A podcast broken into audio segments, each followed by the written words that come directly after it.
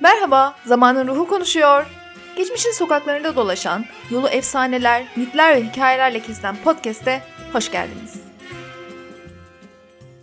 Zamanın Ruhu'nun yepyeni bölümüne hepiniz hoş geldiniz. Bugün çok önemli bir misafirim var.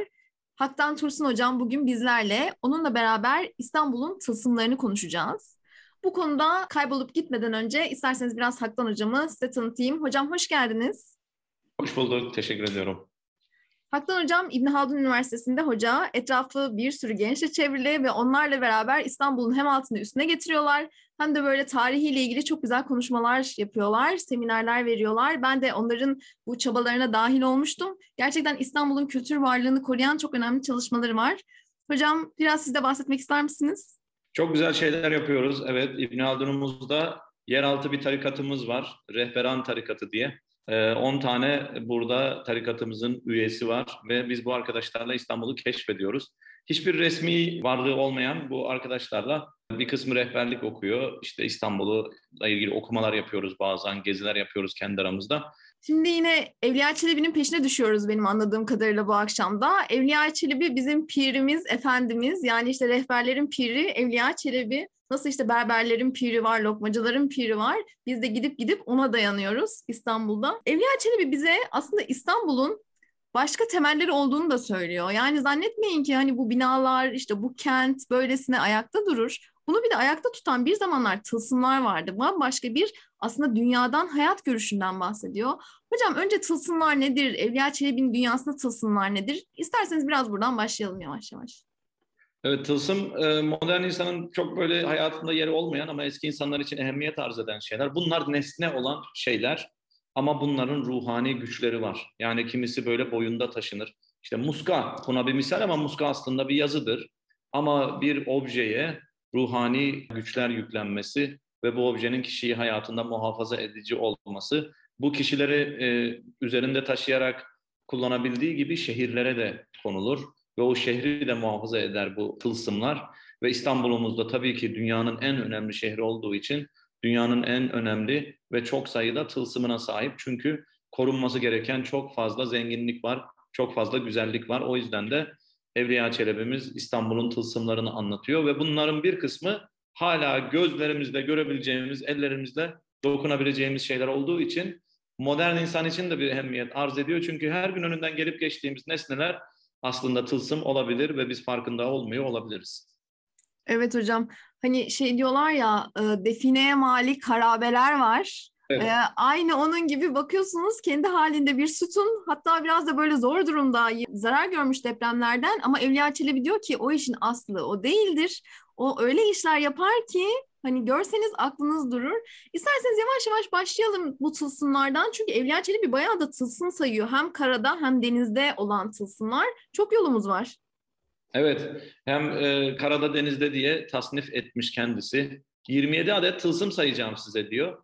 Ama benim saydığım kadarıyla 18 tane sayıyor. Ama oraya satır boşluklarını bırakmış. Yani orada epey bir e, satır bırakmış. 17 taneden sonra oraya geri geleceğim demiş. Sonra da 6 tane de deniz tılsımı koymuş. 23 tılsım saymış Evliya ama 4 tanesini oraya koymamış. 23 tane İstanbul'umuzda hali hazırda Evliya Çelebi'mizin anlattığı tılsım var. Bunlardan bir kısmını zaten okurken anlayacağız ki günümüze ulaşmışlar aslında. Kim yaptırmış bu tılsımları? Vezendon Kral. İstanbul'un efsanevi banilerinden Yanko bin Madyan'ın oğlu Vezendon Kral bu şehre ilk tılsımları diktirmiş. Zaten eskiden bir şehir kurarken önemli adamlar getirtiliyor. Önemli binalar yapıldı, önemli güzel böyle kaleler kuruldu, evler yapıldı. Ama asıl şehri şehir yapan şeylerden birisi alimler, ulemalar, kahinler getirtilir oraya ki o şehir sadece maddi değil, manevi bir ehemmiyete de haiz olsun. İstanbul'un bizim e, modern işte Yunan anlatımlarında hep Kral Bizas başlattı efsanesi diyoruz ama bizim Evliya Çelebi'ye göre Bizans'tan önce çok İstanbul'un banileri var. Onların da hepsi bu şehre bazı tılsımlar eklemiş. Bunların ilki de zaten Süleyman Aleyhisselam. Derken işte şehrin kuruluşunda oradan esrarengiz yani bu mistik olaylarla kurulmuş bir şehir böyle de devam ediyor. 27 e, tılsımdan yani Evliya abimizin anlattığı ilki aslında hepimizin tanıdığı, önünden gelip geçtiği Avrat Pazarı denen bir mahal. Evliya'nın dilinde bugünkü Haseki bölgesi. Oradaki Arkadius sütunu. Maalesef binaların arasında kalıp sıkıştığı için eski görkeminden hiçbir şey yok. Ama aslında eski zamanlarda üzerinde öyle heykeller varmış ki evliyanın tabiriyle görenler ziruh zannederdi diyor. Ziruh yani canlı zannederlerdi. Aynı Roma'daki Trajan sütunu gibi böyle döne döne döne döne giden film şeridi gibi giden üzerinde heykeller vardı. Yanko İbni Madyan'ın yaptığı savaşı anlatıyordu diyor. İşte buradan benim bazen şüpheleniyorum. Bizim Evliya'nın Yanko bin Madyan dediği acaba Theodosius mu? Çünkü Theodosius diktiriyor ama Arkadius'un zaferlerini anlatan Arkadius sütunu dediğim gibi çok böyle üzerinde yüzlerce binlerce heykel olan bir sütundu. Bu sırrı çözsek aslında yani mesela Evliya Çelebi Yanko bin Madyan'dan kimi kastediyor? Çünkü bahsettiği bazı kişiler var ama bunu tarihte bildiğimiz kişilerle çok eşleştiremiyoruz. Oradaki o böyle kilidi çözsek aslında çok şey çıkacak ortaya da. Pozantin diyor. Evet Pozantin, Pozantin diyor. Kral. Bizantin şimdi ismine ne kadar benziyor değil mi hocam? Pozantin, Bizantin. Evet, Bizans acaba o mudur? Şimdi mesela onu oraya oturtsak, ondan öncekiler milattan önce 7. yüzyıldan önceye gidecek. Ama işte bundan emin olmak da çok mümkün değil. Zaten bizim evliyanın birçok şeyi çok flu. İsmini bilmiyoruz bir kere. Evet, Evliya Çelebi evet. ne? Anladınız mı? Bazı şeyleri çok... Doğum gününü biliyoruz ama. Evet. İşte aşure günü doğmuş, tarihini. Yani padişahların bazılarının doğum gününü bilmezken bizim evliyanın doğum, çok önemli adamların doğum günü tutulmadığı bir asırda evliya diyor ki ben aşure şu senede doğdum ama öbür taraftan ismini bilmiyoruz mesela. Yani böyle muğlak gidebilen bir yazar bu Yanko İbni Madyan sadece Evliya Çelebi'de değil başka tarihçilerin de andığı efsanevi krallardan birisi. Efsanevi dememiz de şundan yazılı çizili bir şey yok elimizde. Ama bu kadar sözlü şekilde nesilden nesile aktarıldığına göre birisi olması gerekiyor. Yani bir e, Yanko İbni Madyan ismini almış birileri İstanbul'un geçmişte yönetmiş diye düşünebiliriz. Bu işte e, heykeller bizim Evliya'ya göre Hindistan'ı ve Laristan'ı derya misal askerle fethettiği savaşı anlatıyor. Yanko İbni Madyan'ın. Peki ne oldu, ne geldi bunun başına? 1719 depreminde bu Arkadius sütunu çok zarar gördü. Binaların üstüne düşmesin diye de kontrollü bir şekilde üst tarafını yıktılar. Bugün sadece kaidesi var ama kaidesi 3-4 katlı apartman uzunluğunda. Yani biz aslını hayal edebiliyoruz oradan. Ama bizim evliyamız onu gördü. Çünkü e, 1719'da yıkıldığına göre, evliya 1600'lerde yaşadığına göre onu dünya gözüyle görmüş olacak. Aslında Evliya Çelebi şöyle bir şey söylüyor ve bunu çok defa tekrar ediyor. Diyor ki bu sütunun ilk zarar gördüğü tarih peygamberin doğumudur.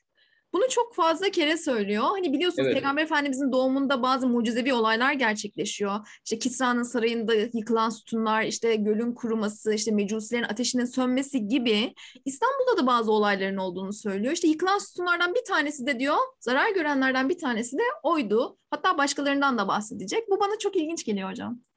Evet yani şimdi bir Müslüman bir tarih e, yazarı değil mi? Her şeyi peygamberlerle bir kere. Süleyman Aleyhisselam şehri kurdu.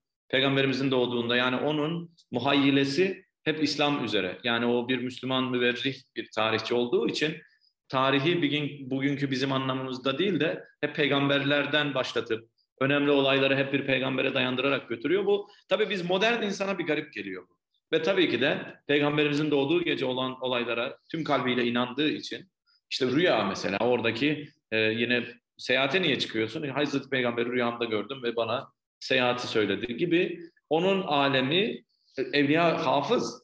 Yani birçok insan onun bu yönlerine vakıf değil ama çok iyi eğitim görmüş, enderun görmüş. Çok iyi bir Müslüman aynı zamanda. Ve bu onun tabii ki de dünyaya bakış açısını yani world view dediğimiz o Evet. nazarını çok etkiliyor. Her şeye de o nazardan bakıyor. Tabii ki bu tılsımların gücünü kaybetmesini de bir şekilde açıklaması lazım. Ee, bizim malum Ayasofya için bile Evliya onu söylüyor. Kubbesi peygamberimizin doğduğu gece çöktü diyor. O gece olan olaylardan birisi. Ama her tılsım da özelliğini kaybetmiyor bu arada.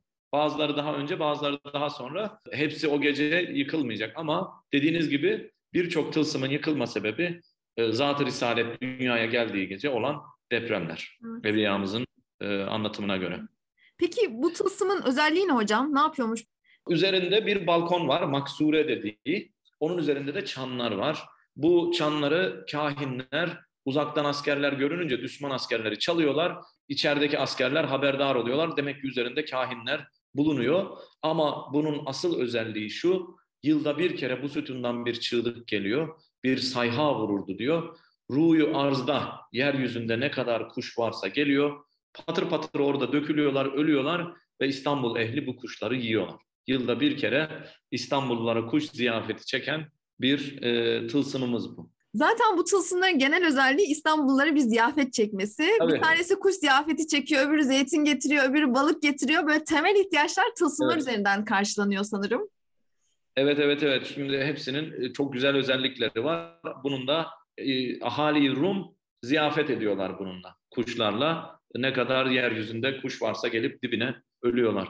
Diğeri mesela yine birazcık böyle e, bununla da belki e, alakalı olacak bizim çemberli taş aslında. Evliyamız diyor ki zımpara taşından yapılmıştı. Kim zamanında? Konstantin zamanında. Bakın bu tutuyor mesela. O Konstantin forumu, Konstantin taşı minare diyor. Mil minare.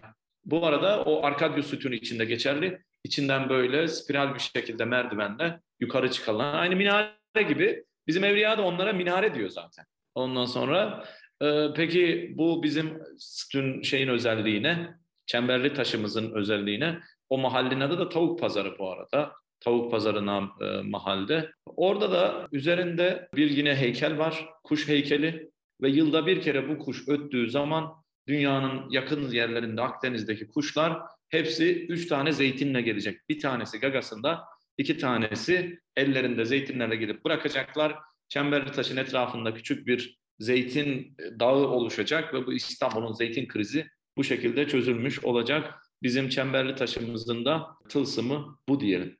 Üçüncü tılsımımız kız taşı dediğimiz bugün Saraçhane'de olan taş aslında Markianus sütunu bugünkü e, ismiyle.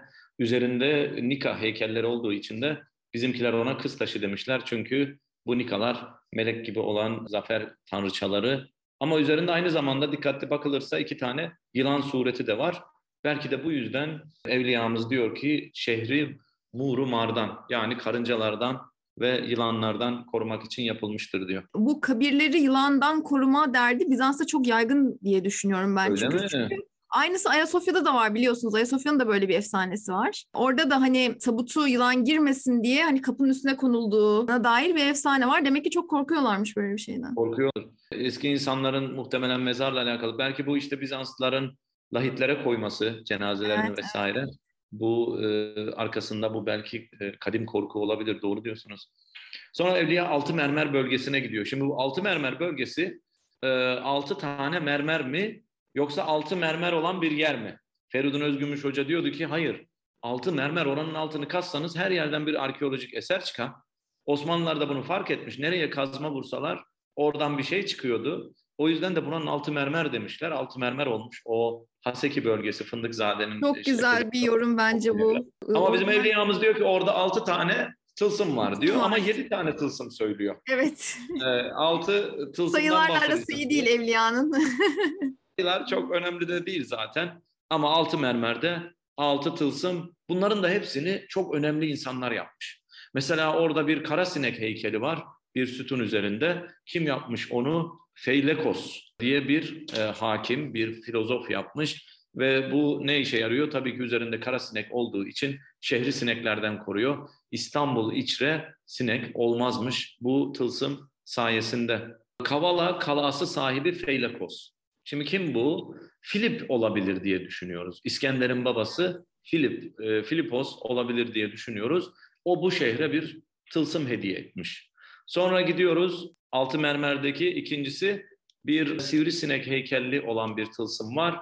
Bunu da Eflatun koymuş. Yani bizim Plato oraya koymuş. Tabii Evliya'nın dili çok güzel. Ben herkese Evliya Çelebi'yi kendi orijinal dilinden mümkün mertebe okumayı tavsiye ediyorum. Çünkü sadeleştirmeler, çeviriler, kelimelerdeki sihirleri de taşıyamıyor. Bizim Evliya Çelebi'nin o biraz esprili, biraz böyle nüktedan tavrını da taşıyamıyor. Şimdi bu Eflatun'un yaptığı sivrisineklerden şehri muhafaza etti. İstanbul içre asla sivrisinek ile an girmek ihtimali yoktur diyor. İstanbul içine girmezmiş. Hala o tılsımın ameli tesir etmelidir diyor. Bak peygamberimiz doğmasına rağmen artık hayırlı bir tılsım olduğu için Evet. nedir? Tesiri devam etmektedir. Başka tesiri devam eden bir tılsım daha size leylek kuşuna karşı yine altı mermer bölgesinde bir tılsım. Ee, bunu da Bokrat yapmış.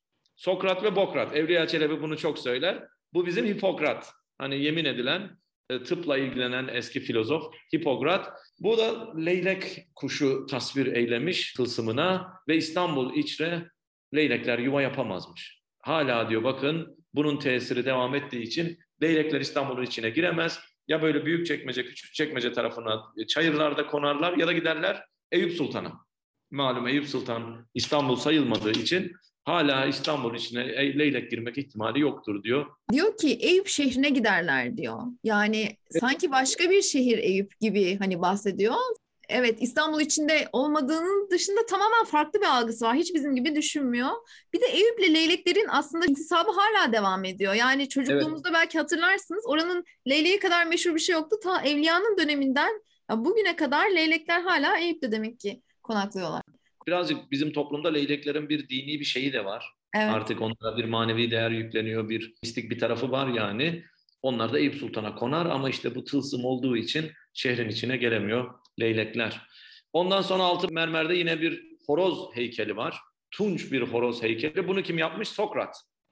Ee, peki niye yapmış? İnsanları uykudan uyandırsın diye. Bu 24 saatte bir kukuriku diye öter. Lisanı hal ile vakti seherdir. Essela deyu gafiliyünü naimünü agah eder.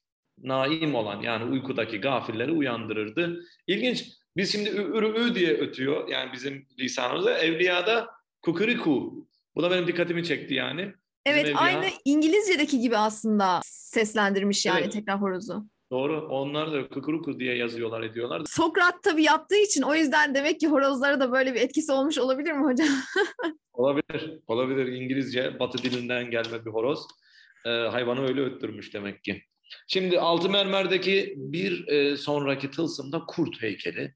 Orada. Peki e, niye bir kurt heykeli? Bunu da Pisagor Fisagores, Fisagores'i tevhidi diyor mesela. Bu tevhidi ne demek? Bu adam demek ki ehli tevhid miydi? Evliyanın nazarında demek ki öyleydi. Kurt tasvir etmiş. İstanbul'un koyunları çobansız sahralarda gezer, kurt ilişmezdi diyor. Ama şu tabire dikkat edin. Gurk-ı vahşi ile Gusfendi Yahşi beraber gezerlerdi diyor. Yani vahşi kurtla evcil Yahşi olan koyun beraber gezerlerdi. Belki de burada bir şey de var. Neden İstanbul bu kadar çok kültürlü, çok dinli bir yerken kimse kimseyle kavga etmiyor? Kurtla kuzu yani temsile göre bir arada. Belki de bu Pisagor'un tılsımının sayesinde kavgasız, gürültüsüz dinler bir arada yaşamış.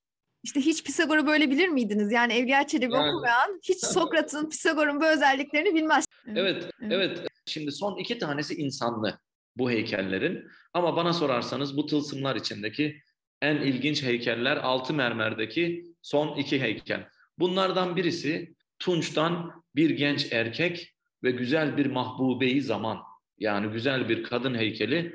Bunlar sine ber sine kucuşup dururlardı diyor. Yani kucak kucağa sarılmış duran güzel bir genç kadın ve erkek heykeli. Peki ne işe yarıyor bunlar? Kim bir erinen avret birbiriyle dövüşse, kavga etse bir karı koca soğukluk girse aralarına diyor, bürüdet üzere olduklarında ya er kişi ya zen kişi, kadın ya da erkek o amuda gitse, sarılsa o direğe ne olurmuş? Mabenlerine muhabbet çivisi girer. Yani araları tekrar düzelirmiş. Oraya gitse o soğukluk düşenlerden birisi araları bulunurmuş.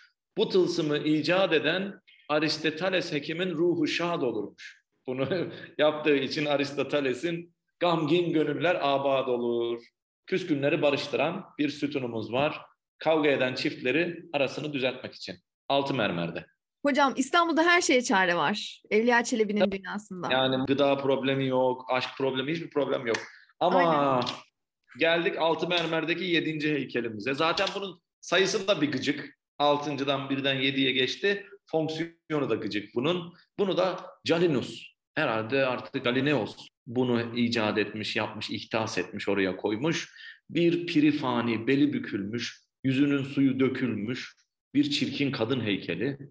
Onun yanında da bir diyor fertuteyi zamane, şutur leb, deve dudaklı, ondan sonra abüsül veç böyle abes yüzlü bir koca kara heykeli varmış. Bir yaşlı adam, çirkin adam ve beli bükülmüş bir koca karı heykeli duruyormuş. Eğer bir karı koca geçinemiyorlarsa ve bu çiftlerden biri ayrılmak istiyorsa er kişi ya da zen kişi gidip ona sarılsa hemen müfarekat vaki olur. Hemen ayrılırlar diyor. Yani ayrılmak da bir dert. Yani ayrılamıyorsun belki. Olmuyor da bir türlü. Artık orada seçimini yapacaksın. Ya arayı düzeltmek için altıncı tılsıma gidip güzel gençle delikanlı tılsımına sarılacaksın. Yok bu işi kafanda bitirdiysen gidip bu çirkin deve dudaklı kadın, beli bükülmüş kadın heykeline sarılırsan ilişki bozulur gidermiş, ayrılık olurmuş. Hocam inşallah yanlışlıkla ters sütuna sarılan olmamış. Yok onu çok çok belirgin kılmışlar. Yani onların güzelliği, bunların çirkinliği öyle bir derecede ki birbirine zannediyorum karıştırma şansları yok bunları. Ama ne olmuş? Bunlar e, acip mutalsamatlardır. Bunlar acip tılsımlardır. Bazısının hükmü caridir. Bazısı zat-ı risalet dünyaya geldiğinde medfun olmuş, yere gömülmüş gitmişler. Hangileri şu anda aktif, hangilerinin e, tesiri geçmiş, evliya onu bize söylemiyor. Hocam bir de bu e, sütunların Hekimoğlu Paşa Camii'nde şu an bile bulunabileceği söyleniyor. Bir gidip araştırmak yani, lazım aslında. evet yani o bölge keşfe çok açık. Yani e, Feridun Özgümüş Hoca öyle diyordu. Arkeolojik olarak en zengin bölgelerden birisi diyordu aslında. Yani o apartmanlar maalesef mahvetmiş. Malum koca bir sarnıç var. Açık hava sarnıcı. Aynı vefadaki gibi ama içi apartman dolu şu anda. Gibi gibi evet oraya gitsek araştırsak belki de bu altı mermerin birkaçını bulabiliriz. Belki de cami inşaatında devşirildi. Malum o caminin oralarda manastır vardı, kadınlar manastırı. Peygamberimizin torunlarının e, orada türbeleri var vesaire vesaire. Hakikaten İstanbul'un mistik yerlerinden birisi. Yedi mermeri bitirdik. Toplamda mermer sayımız kaç oldu? 7 artı 3. 10 tane tılsımını İstanbul'un konuşmuş olduk. İstanbul'un bir de yine gözle görebildiğimiz Theodosius Forumu var. Bunu aslında tramvayla gidenler Beyazıt durağı ile Laleli durağı arasında yanından geçiyorlar. Taşlar kalmış tabii, serpiştirilmiş sağa sola. Theodosius sütunu dediğimizde zaten İstanbul'un tılsımlarından birisi çarkuşe yekpare bir sütunmuş. Yani dört köşeli tek parçadan yapılmış bir sütun. Hepsi de öyle değil. Mesela çemberli taşımız üst üste yedi parça taştan. Ama bu Theodosius'un, bu Sultan Beyazıt hamamının önündeki tılsımlı sütunu yekpare çarkuşe. Peki şehri neyden muhafaza ediyordu? Vebadan. Eski zamanlarda en büyük dertlerden birisi taundan. O yüzden de ne diyor? Şehri Konstantin'de taundan nişan yok idi. İstanbul'da hiç veba görülmemiş bu sütunun tesiri zamanında. Evet, bu sütunu kaldıranın evet. ağzı biraz yanmış aslında. Evet, Sultan Beyazıt'ın oğlu bu sütunu kaldırmış ve matunen vefat etmiş. Yani taundan vefat etmiş. Şimdi kara sütunlarında 11 numaraya geldik. Bu da Tekfur Sarayı'nın orada. Bu işte mesela günümüze ulaşmayan sütunlardan birisi sengi siyah üzere diyor. Siyah taştan yapılmış ifrit sureti varmış bunun üzerinde de. Bir kere yılda bu ifrit bir nara vurup bir ateşler saçıyor etrafa. Her tarafta yangınlar çıkarmış. İstanbullular evlerini kurtarmaya çalışırlarmış. Bu ateşli nar şerbar diyor Evliya Çelebi. Ateş saçan bu şeyden. E niye böyle bir tılsım yapmışlar? Muhtemelen şehri muhafaza etmek için. Yani tam Edirne kapı nereye denk geliyor? Duvarların olduğu yere denk geliyor. Zaten birkaç şimdi deniz sütunlarına gelirsek onlarda da böyle var. Ağzından ateş saçan çok sütunlar var. Muhtemelen bunlar bizim Rum ateşinden esinlenilmiş şeyler. Malum bu Grajua Bizans'ı yıllarca muhafaza eden bu Rum ateşi e, ateşli bir silahtı. Denizin üzerinde yanmaya devam ederdi. Belki de kara tarafında da kullandılar bunu ve eğer o ateşten bir parça alıp da evinize götürebilirseniz o ateş hiç sönmezmiş. Yani o ifritin sihirli ateşi çünkü eski zamanda problem çakmak yok, kibrit yok. Bu ifritin ateşinden bir parça alırsanız artık ateş derdiniz yok çünkü o asla sönmeyen e, bir köz sizin için yıl boyunca kullanılacak bir ateş olurmuş. Evet Evliya diyor ki onu alan kişi ölene kadar o ateşte yanardı. Ha, o kişinin ölmesini bekliyor. Evet evet ölünce ateş de sönüyor. Bunlar hep manidar şeyler. Aslında yani böyle düşünsek neden böyle yani onu alan neden ölünce sönüyor? Ne, nasıl bir münasebet var? Belki de çok böyle derin anlamlar çıkarabileceğiz bunlarda. Yani alan kişinin ruhuyla bağlantılı aslında. Yani onun dünya hayatı bitince bir şekilde ateş de bunu fark ediyor ve hissediyor ve o da yok oluyor. Çok ilginç gerçekten. Evet, evet yani onun dediğiniz gibi onunla ateş arasında bir münasebet oluyor demek ki yani. Evet, şimdi bir de bugünkü Zeyrek Başı dediğimiz yerde bir mağara varmış. Bir orada Hazreti Yahya Değri yani kilisesi, manastırı. Artık bu bizim bugünkü Zeyrek Camii o eski manastır olabilir mi, başka bir şey mi bilemiyoruz ama orada büyük bir mağara var. O Zeyrek e, Manastırı'nın bulunduğu yerde ve Zemherir gecesinde kışın oradan Kancolos isimli cadı kadınlar e, çıkıyorlar. Arabalarına binip şehri Deveranu seyran ediyorlar. İstanbul üzerinde geziyorlar. Artık vakti seher girince de ortadan kaybolup gayip oluyorlar. Bu mağarada İstanbul'un tılsımlarından birisi. Bu cadılarla ilgili başka yerlerde gelecek. Başka tılsımlarda da bu cadı avratlar gemilerine binip denizleri koruyacaklar. Deniz tılsımlarında İstanbul'un kış gecelerinde. Ondan sonra Ayasofya'nın yakınında dört tane sütun var. Dört büyük melek temsili var bu sütunların üzerinde ve tesirleri ilginç. Doğuda, batıda, kuzeyde, güneyde Ayasofya yanında dört tarafa yönelik dört tane melek heykeli var. Mesela Cebrail kanat vursa şark tarafında ganimet olur derlerdi diyor. Türkçe sadeleştirmesinde de bolluk diyor hocam. Doğuda bolluk olur. Tamam Cebrail sureti kanatını vurunca doğu tarafında bolluk bereket oluyor. İsrafil sureti oradaki kanat vurunca ne oluyor? Batıda kahdugala yani kıtlık oluyor, fırtınalar oluyor o taraflarda. Şimdi hepsi iyi bir şey de değil baktığınız gibi. Bir tanesi iyi bir şey yapıyor. Şimdi Cebrail kanadı niye öyle yaptı bilemiyoruz. Mikail sayha vursa, Mikail sureti çığlık atsa, şimal canibinde yani kuzey tarafında sahibül huruc zuhur ederdi derler. Buna da isyancı diyen var hocam. Kuzeyde isyancılar çıkar diyorlar. Azrail sureti sayha vursa... Zaten iyi bir şey olmaz olur. biliyorsunuz. Evet, veba olur deyi havf ederlerdi. İnsanlar korkarlarmış çünkü Azrail zaten ölüm. Eski zamanda en çok ölüm de zaten veba gibi bulaşıcı hastalıklardan geliyor. Artık korona hangi tılsımdan evet. geldi, niye muhafaza edilemedi demiyoruz ama e, bir e, bir şeyler olmuş manevi alemlerde. Ama fahri alem e, vücuda geldiğinde, peygamberimiz dünyaya geldiğinde bunlar Ayasofya civarında yıkılmışlar ama hala o çukur çeşme tarafında görülebilirler diyor. Demek ki Evliya Çelebi zamanında orada bu sütunlar görülürdü. Acaba diyorum milyon taşı mı? Çünkü milyon taşı bugün bir ayağa kalmış olan dört ayaklıydı. Ee, o ve üzerinde bir kubbe vardı. Belki de onun o e, pandantiflerine melek tasvirleri yapılmış. Evliya o milyon taşının diğer ayaklarını görmüş olabilir. Çünkü Çukur Çeşme de aynı o tarafta. Benim şahsi kanaatim bu milyon taşının ayakları tılsımlar olabilir. Olabilir evet, hocam. Bir daha o göze bakmamız lazım. evet. Gerçi üstünün şeyi de kalmadı ama o dört ayaklı kubbesi. Şimdi geldik bizim hipodroma. Zaten İstanbul'un en çok bilinen herhalde dikili taşları yani bu e, sütunları bizim hipodromdadır. Bir tanesi ne diyor? Konstantin zamanından kalma bir sütun yapacaklar. İçine de bir mıknatıs yerleştirecekler bu taşları bir arada tutacak şekilde. İstanbul'un ilginç tılsımlarından Hezeran Pare bin pareden yapılmış e, her daim sahibi kalacak ibretlik bir sütun olacak. Bu olsa olsa bizim örme sütundur. Mimarı da dibine defnedilmiştir diyor. Yani o da ilginç deme vasiyet mi etti beni bunun dibine gömün diye. Mimarı da Ayasofya'yı bina eden Anados mimarın oğludur diyor. Bununla alakalı başka bir şey okumuştum. Diyorlar ki hani bu diyor ya içinde böyle bir mıknatıs vardır, bir de mil vardır, hepsini bir arada tutar. Bu aslında tılsım İstanbul depremden de korur diyen başka ha. bir efsane de okumuştum. Ee, ama yani, sonra Evliya böyle bahsetmemiş, başka bir yer böyle tamamlıyordu onu yani. Anladım. Ve işte e, bu bir saymışlar ki e, üç kere yüz bin taş gelmiş. Sengi, günagün, renk renk taş gelmiş. Üç kere yüz bin. Bizim Evliya'nın sayıları söyleyişi de e, çok hoş.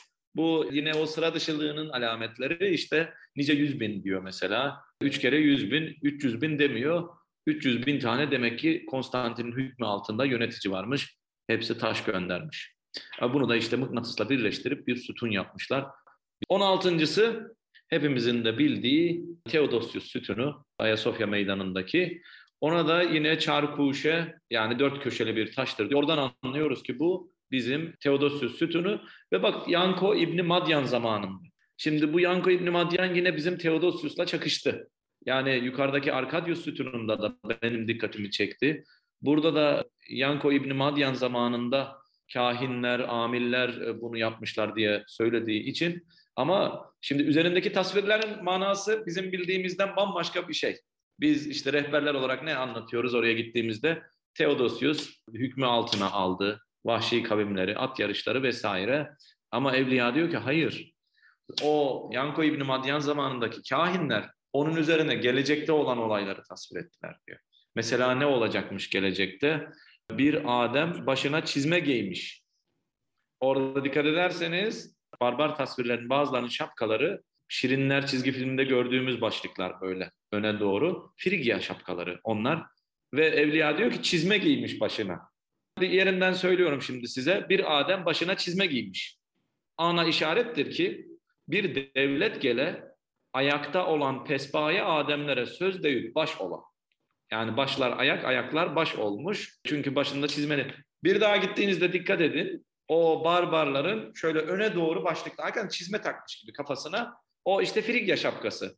O evliyamız diyor ki işte ileride ne olacak? Ayaklar baş olacak, pespaye adamlar söz sahibi olacağı bir devlet gelecek ileride demekmiş.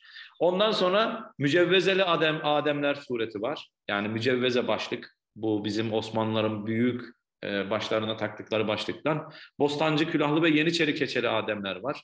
Bunlar mutasarrıf olalar işaretin etmiş. Zamanı gelecek Yeniçeriler, Bostancılar mutasarrıf olacak, söz sahibi olacaklar diye kahinler koymuş. Baykuş sureti, harap olacak bir yerler diye alametmiş bu. Bir sürü acayipler bunun üzerinde tabir tavsif olunmuştur.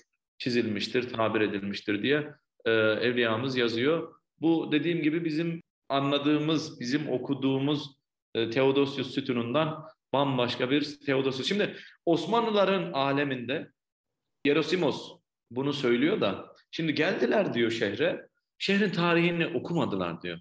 Kurdular diyor. İstanbul'a sıfırdan tarih kurgulamış bizimkiler. Şimdi orada bir eser var, onun zaten anlamı var. Bir bilene sormamış bizimkiler hiçbir zaman. Kendileri mücevvezeli ademler var. Demek ki Yeniçeriler başa gelecek. Başına çizme giymiş. Yani bir sorsana değil mi? Bana ilginç geliyor. Hani o şeylerde de anlatıyoruz ya bunu. Yeraltı sarnıçlar kaybolmuş. Ya bir sorun nerede ne var bu ne işe yarar değil. Yani bizimkiler onu kurgulamışlar. Tarihini de İstanbul'un işte bu tılsımlarını da anlamlarını da e, sıfırdan oluşturmuşlar kendi alemlerinde ama evliya bunu söylüyorsa şimdi bazı seyyahlar gördüğünü anlatır, bazı seyyahlar durduğunu anlatır, bazı seyyah, seyyahlar görülmeyeni de anlatır. Bizim evliya bunun üçünü de yapan birisi ama çoğu zaman yerel hikayeleri, tılsımları da topluyor gittiği yerlerde. Benim kanaatim Osmanlılarda bu şey olabilir. Yani bunu böyle yorumluyor olabilirler. Sadece evliyaya mahsus olmayabilir bu Theodosius Sütun üzerindeki suretleri böyle yorumlamak. Bence zaten burası çok önemli bir nokta. Yani Evliya orada sadece kendi fikirlerini anlatmıyor. Yani burada aslında paylaşılan bir gerçeklik ya da paylaşılan bir dünya var. Hani mesela dedik ya o Ayasofya'nın kubbesi yıkıldığında Evliya bunu Peygamber Efendimizin doğumuyla e, birleştiriyordu. Aynı şeyi Mimar Sinan da yapıyor. Yani demek evet. ki Osmanlı toplumunda bu konuşulan, inanılan, paylaşılan ve aslında zamanlar boyu da aynı şey düşünülmüş. Bize bunu çok güzel gösteriyor evet. bence. Doğru. Mesela o diğer cihette bizim Theodosius var değil mi? Ne yapıyor? At yarışları bitmiş, elinde e, çiçekten bir çelenk var. Onu başına koyacak taç gibi. Evliya ne diyor? Ee, Yanko İbni Madyan'ı tasvir edip bakın bir tane delil daha. Kim Yanko İbni Madyan? Demek ki Theodosius olabilir. Yani 3'te 3 e, Theodosius olan yerlere Evliya Yanko İbni Madyan dedi. Eline bir müdevver halka bir timsal etmiş. Elinde bir halka var. E ne demekmiş? Cihangir olup dünyayı fethedip halka misal eline aldım remzetmiş. Yani ben aha dünya elimde halka gibi tutuyorum diye okuyor Osmanlılar bunu mesela. Ondan sonra yüzünü de cani bir şarka dönmüş diyor. Mesela onu da Evliya yorumluyor. Şark tarafına bakıyor diyor. O tarafı fethedecek yani artık ya da artık e, bunun da bir manası yani bu Evliya bunu önemli buluyor. Altında o malum e, bizim vahşiler dediğimiz dilenci suretli padişahlar vezirler, reisler, rüşvet isteyen hakimler rumuzlarını tasvir etmiş. O yani rüşvetçi yöneticiler olarak görüyor. E, dilenci gibi vezirleri şeyleri yorumluyor. Osmanlı'nın aleminde o heykeller ben dediğim gibi böyle düşündüklerini tahmin ediyorum. Kimseye sormamışlar. Kendileri yorumlamışlar. Kendi manalarını kendileri çıkarmışlar bundan. Karadaki artık son tılsımımız yine bizim bildiğimiz yılanlı sütun. Turlarımızda da söylüyoruz. Bunun şeyi şehri yılan, çıyan, akrep ve haşerelerden korumak, zehirnak hayvanattan, helaklarından korumak için Tunç'tan üç başlı bir ejderha timsali bina etti. Evliya muhtemelen onların başlarını gördü zaten. Bu başların başına ne geldiyse 1700'lerden e, sonra geldi. Çünkü eski minyatürlerde başlar duruyor. Ondan sonra ne olduysa oldu. Asla buraya İstanbul içine zehirli hayvan, haşerat giremez diyor. Ama sonra ne oluyor? Hangi padişah? Selim-i Sani ve Mestifani at üzerinde giderken bir mücevher topuzla o şeyi surete bir atış yapıyor. Garp canibindeki batı tarafındaki kelleyi kırıyor. Hemen adama koşuyorlar ne yaptınız diyorlar. Allahümme affena diyorlar. Yani ya Rabbi sen bizi koru. Eğer diğer başlara da bir şey gelirse e, diğer iki başa marumur berbat eder bu şehri diyorlar. Yani yılan, çıyan, karıncalar, yılanlar, akrepler şehri berbat eder diye padişahı durduruyorlar ama kellelerden birisi Selim-i Sani ve Mestifani yüzünden kırılmış. E, hocam bir tane minyatür var. E, Osmanlı zamanında yapılmış. İşte bu minyatür şeyi gösteriyor. Bu yılanlı sütunu gösteriyor. Tam da topuz sallanacak üstüne. Orada bir tane Rum papazı var. Böyle ellerini başına götürmüş. Aman Allah'ım şimdi başımıza neler gelecek diye korkuyor. Çok inanıyorlar. Evet. Zaten başka yerlerde şey diyorlar. Bizim yine başka Osmanlı tarihçileri buna çok takmışlar. Bir başından şarap akıyormuş, bir başından süt, bir başından su akıyormuş. Şeyleri buldular bildiğim kadarıyla. Su akan boruları ama tabii şarapla sütü ispatlama şansımız yok. Ama malum aslında Pers askerlerinin kılıcı, kalkanı, zırhı, metal eşyaların eritilmesinden yapılmış üç başlı bir yılan. Çünkü Apollo'ya adanmış bir tapınak ve Apollo'nun e, sembollerinden birisi yılan olduğu için yılan suretinde yapılmış bir ejderha. E, hocam şeyi biliyorum ben de Bozdoğan yani Valens kemerinden oraya su geldiğini e, dediğiniz gibi buldular. Bir su tesisatı hmm. varmış gerçekten oraya. Çok ilginç. Çeşme olarak kullanılmış zaten. Evet. Neden bu şimdi Latin istilasında adamlar şehirde kıymetli hiçbir şey bırakmamışlar. Ve o devirde her metal kıymetli. Sadece altın, gümüş değil. Neden buna dokunmadılar? Muhtemelen fonksiyonundan dolayı. Yani kullanılan bir çeşme, kendileri de bu çeşmeden istifade ettikleri için onu kırmamışlar diye bir teori var. Bence de makul bir teori. Çünkü şeyin yüzündeki metalleri sökmüşler. Örme sütunun. Oradan buradan her şeyleri almışlar. Ama e, bunu bırakmışlar. Belki o çeşme fonksiyonundan kaynaklanıyor olabilir. Zaten dediğiniz gibi boru hattı da bulundu. Karadaki tılsımlarımız evliyamızda bu şekilde ama denizdekilerde başka zaman konuşabiliriz isterseniz. Denizde de 6 tane daha tılsım sayıyor. Bunların birçoğu bakır gemilerle çıkan işte kadınlar şehri geziyorlar. Ağzından ateş püskürten sütunlar ya da işte balık suretli heykeller. Onların işte bazı günlerde şehre balık getirmeye vesile oluyorlar. İstanbullular bu sefer de balık ziyafeti yapıyorlar. Hakikaten de malum İstanbul'da eskiden bazı dönemlerde Haliç'ten giren balıklarla Haliç'ten çıkan balıklar çarpışıyor. Balığı suyun yüzünden elleriyle topluyorlar. Öyle bir bereket var e, gibi. İşte bu bir tılsımdan dolayı öyle durduk yere balık gelmez. Bir tılsım var ki bu oluyor. Evliyamız da bunları teker teker bize açıklıyor seyahatnamenin bu bölümünde. Hocam çok teşekkür ediyoruz. Yani gerçekten sanki böyle o günlere gittik, Evliya ile beraber gezdik. Sanki bunlar da olmuş gibi gördük. O kadar canlı güzel anlattınız ki özellikle Evliya Çelebi'nin dilinden aktarmanız böyle iyice bize yaşattı. Çok teşekkür ederim geldiğiniz, katıldığınız. Ben teşekkür ederim davetiniz için.